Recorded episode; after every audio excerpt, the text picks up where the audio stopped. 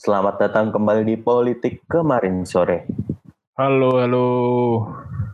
Halo Faris, tanggal 2 Mei, selamat Hari Pendidikan Nasional. iya, alhamdulillah masih bisa dirayakan hari ini. Uh, agak gimana ya mendengar kata dirayakan karena sesuatu yang terkait dengan perayaan oh, pendidikan adalah pembubaran Kementerian Riset. Uh, hadiahnya luar biasa. Hadiahnya agak-agak iya. gimana ya? Baik ya, atau jadi, tidak? sesuai yang diomongin barusan, jadi rapat paripurna DPR di awal April lalu menyetujui permintaan Presiden tentang pertimbangan pengubahan kementerian, yaitu satu membentuk Kementerian Investasi, yang kedua eh, fungsi Kemenristek digabungkan ke Kemendikbud menjadi Kemendikbudristek.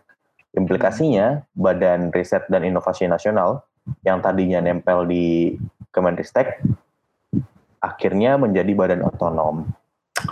Uh, bahas gimana ya?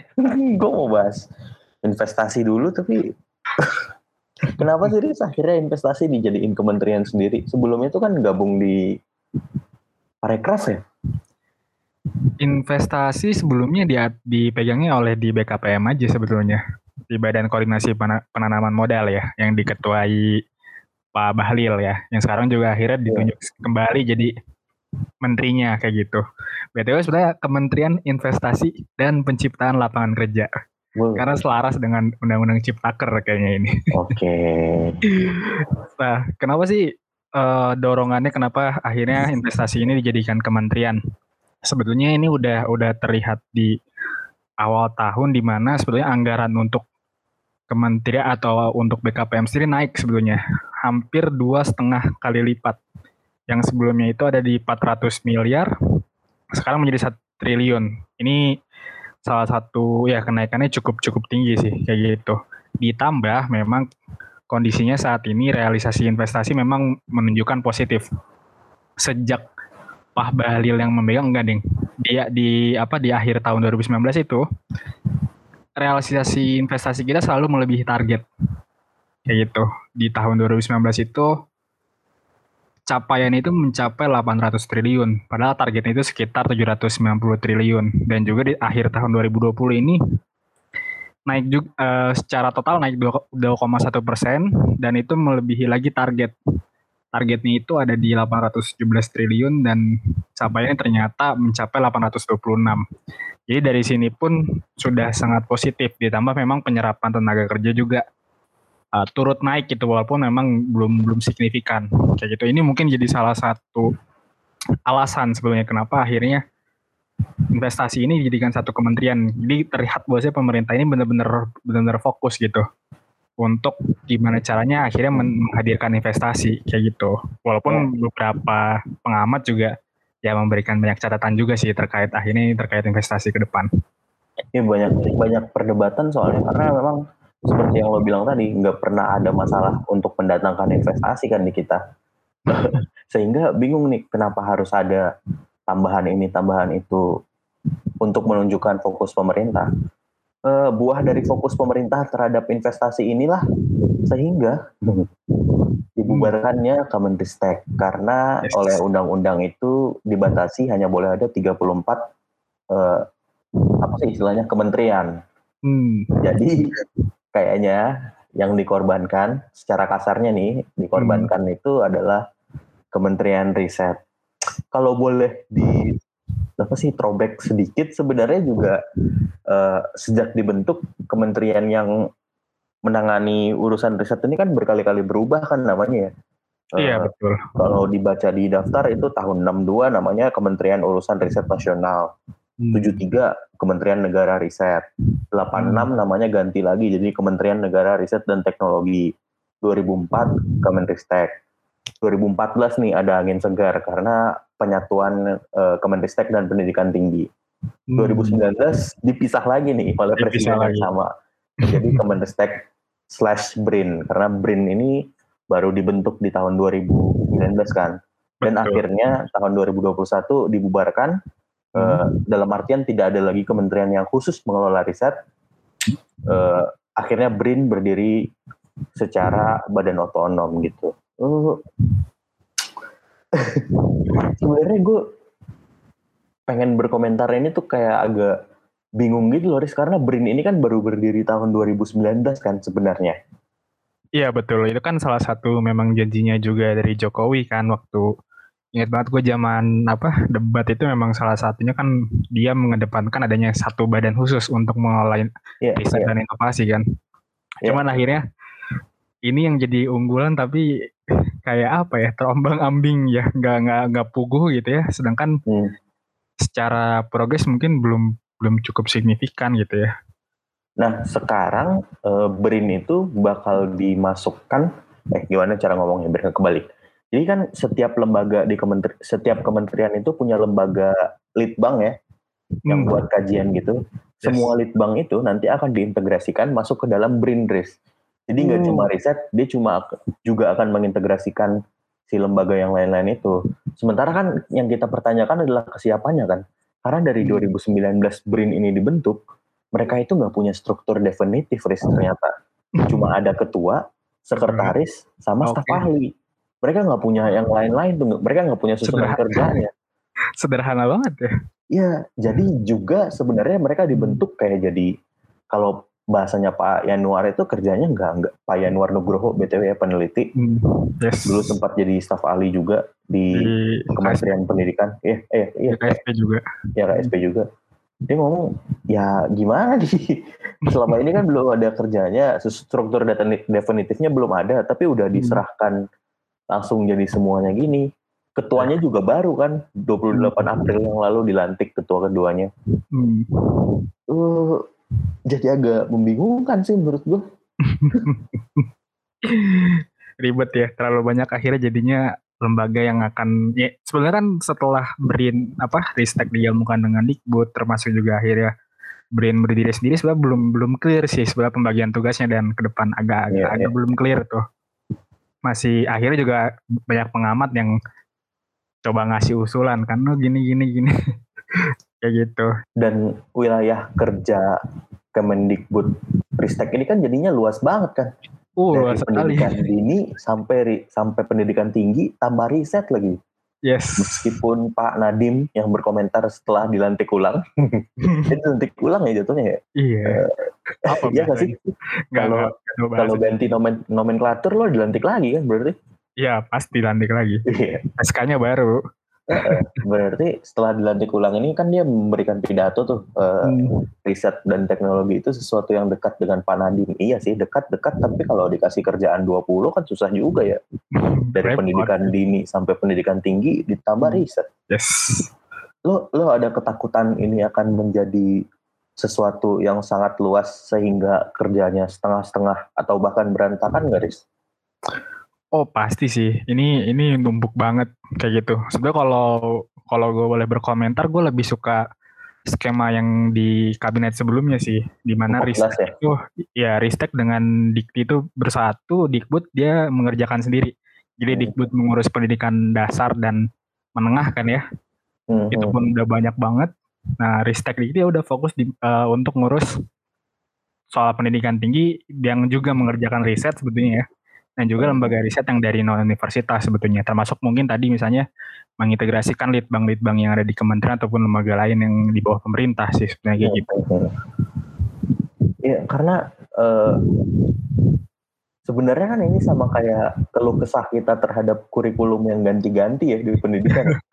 Karena yang salah kan bukan kurikulumnya, tapi selama ini bahasanya adalah yang salah bukan pistolnya, tapi siapa yang megang pistolnya kan gitu. Hmm, yes. Nah, ini ini sama gak sih? Maksudnya ini lebih parah lagi, bukan cuma kurikulum yang diganti, hmm. tapi nomenklatur kementerian yang diganti, Riz. Sebenarnya kalau kita boleh berkaca bukan hanya membandingkan ya, tapi mencoba hmm. belajar ke negara-negara yang lebih maju lah risetnya kayak hmm. Singapura atau yang lainnya itu ada perbedaan nggak sih Riz dalam mengelola riset gitu okay, kelembagaan? Uh. Ya, tadi gue baca salah satu artikel tulisannya Mbak Ayu Anastasia. Hmm. Dia dia bilang dia ngasih contoh Singapura itu dia terpisah antara pendidikan dan risetnya. Pendidikannya dipegang Kementerian Pendidikan, sedangkan risetnya itu ada namanya Yayasan Riset Nasional. Kenapa? Hmm. Jadi bagusnya pemisahan ini menurut dia adalah hasil uh, hasil riset itu bisa dikomersialisasi dikomersialisasi secara langsung dan fokus gitu oleh yayasan tersebut. Termasuk dia juga fokus untuk bagaimana menjaga ekosistem penelitian ini bagus gitu, sama bagusnya juga dengan ekosistem pendidikan gitu, karena sama-sama fokus. Begitu juga di Inggris. Di Inggris terpisah. Kalau dia uh, bahkan risetnya itu juga mengurus terkait pengembangan industri kayak gitu. Makanya dari dari hasil kebijakan dan apa ya kelembagaan ini Inggris itu kan sekarang jadi salah satu negara uh, tertinggi dalam produksi energi terbarukan. Karena tadi hasil risetnya itu diselaraskan dengan dalam satu uh, dalam satu kementerian yang sama gitu. Bisnis energi dan juga strategi industri. Nah ini ini yang mengambil contoh terpisah antara pendidikan dengan riset. Hmm, yang hmm. tapi juga ada yang digabungkan. Contohnya Jerman di Jerman itu sendiri digabung karena mereka memang ingin menjaga kesinambungan antara riset di universitas dan juga pengembangan di industrinya kayak gitu. Hmm. Kenapa ini dipilih? Karena memang ternyata risetnya ini walaupun Jerman itu risetnya yang salah satu yang tertinggi, itu lebih didominasi adalah oleh lembaga riset non universitas kayak gitu. Makanya biar nggak ada ketimpangan, akhirnya oke okay, dalam satu badan aja. Termasuk juga ternyata di universitas itu katanya risetnya itu masih riset-riset dasar yang mana itu belum tentu bisa diimplementasikan di industri kayak gitu. Nah harapan dalam yeah, satu yeah, yeah. akhirnya mendorong kayak gitu. Itu di beberapa negara maju. Di Malaysia ada sedikit uh, juga temuan dia juga digabungkan antara riset dan pendidikan. Tapi akhirnya ketika itu dileburkan, ternyata hmm. ada PR-nya itu adalah untuk gimana ini mengatur anggarannya, gimana yeah, mengatur sumber yeah. dayanya, yeah. dan juga mengatur fasilitas kayak gitu. Ini juga mungkin akan jadi PR ke depan sih. Ketika mm-hmm. kementerian dipindah-pindah gini kan akhirnya ini birokrasinya harus ke mana gitu kan? Yeah. Ini fasilitas milik siapa? Ini SDM siapa gitu kan? Ini yeah. nggak pusing sih. Berarti, ya pasti akan ada kekosongan itu kan Riz karena badannya hmm. baru dibentuk, ketuanya baru naik, sementara kementerian yang satu udah dibubarin ini ntar riset ke mana nih? Akan hmm. jadi stagnan juga ya beberapa dalam beberapa waktu ke depan. Uh, ya ini jadi sesuatu yang baru setelah 2014 digabungkan ke uh, pendidikan tinggi. Sekarang uh, dipisahkan katanya agar menjadi lebih otonom dan terintegrasi. Ini ad, jadi membagi dua juga kan ada yang hmm. optimis ada yang uh, pesimis eh, orang-orang yang awalnya optimis juga kan sebenarnya dilihat dari 2019 itu kan saat Brin lahir kan banyak terobosan ya hmm. salah satunya itu dana abadi penelitian oh, oke okay. ya kan yang hmm. peningkatannya terus naik-naik tiap tahun dan ditargetkan tahun 2024 itu mencapai 50 triliun Hmm. Tapi punya halangan nih tahun ini uh, karena COVID tadinya anggaran itu sekitar 30 triliun atau 1,1 persen turun menjadi hanya 99 triliun yaitu 0,36 persen. Uh, angka itu udah termasuk semuanya ya, udah termasuk riset kesehatan, pendidikan, hmm. IT, uh, infrastruktur dan lain-lain. Sebenarnya COVID ini juga jadi bukti bagaimana riset itu terjadi di Indonesia sih, Riz. Kayak setelah ada urgensinya baru penelitiannya jalan kan. Kayak penelitian vaksin dan lain-lain tuh hanya akan terjadi kalau ada COVID gitu. Gak itu ada. dari ini sih mindsetnya sih. Kita kan yeah, seringnya yeah. kan akhirnya kan reaktif lebih reaktif gitu. Iya iya. iya. Bukan proaktif sebetulnya jadinya. Sayang sih ngomongin soal ini ngomongin soal mindset uh, pendekatan hmm. sains ada video bagus banget dari uh. Frame and Sentences uh, itu punyanya hmm. Mbak Futami di YouTube. Oh iya. iya. Uh, istilahnya kalau nggak salah itu apa ya? Science temper. Uh, coba ditonton aja teman-teman kalau mau dengar lebih lanjut. Ada Prof Yanuar juga di sana ngomongin oh, iya. uh, riset dan inovasi kita. Uh, jadi ya kalau dari kita harapannya itu ya Riz ya. Semoga cepatlah dibentuk turunan-turunan dari semua undang-undang eh semua peraturan baru ini terus struktur definitifnya juga segera hmm. dibentuk supaya BRIN-nya bisa jalan. Kalau dari lo gimana, Riz? Iya, kalau gue sih tadi sebenarnya lebih berharap sih Ristek ini bareng lagi dengan Brin sih. Dan hmm. kalau misalnya pada akhirnya sekarang harus terpisah, berarti mungkin pembagiannya adalah Kementeri, uh, Kemendikbud Ristek ini akan fokusnya di kebijakan dari perencanaan yeah. Tapi hmm. BRIN ini adalah sebagai pelaksananya kayak gitu. Ya yeah, betul sekali. Alur alur sih seperti itu aja sih kayak hmm. gitu. Hmm. Uh, beberapa ada juga pengamat yang bilang uh, salah satu pengamat dari IPB bilang uh, untuk jalannya riset pun sudah perlu ada nama pengawas dan juga pengelola dananya sendiri kayak gitu. Pengawas kenapa perlu ya? Tentu ini kan terkait independensi penelitian kan bahwasanya penelitiannya ya jelas gitu ya arah tujuannya mungkin untuk ya memajukan ya pembangunan misalnya kayak gitu. Itu perlu ada pengawas dan juga terkait dana juga perlu ada yang independen gitu karena khawatirnya uh ada penyelewengan gitu. Itu itu bahkan ada yang uh, pengawas pengaman ini bilang ini perlu dipisah juga sih untuk pengelola dananya kayak gitu. Tapi ya balik lagi nanti gimana keputusan Pak Jokowi ya terlalu banyak juga jadi pusing juga sih sebetulnya. Ya, Mungkin soal perputaran pendanaan nanti aja lah diomongin kalau riset udah jalan.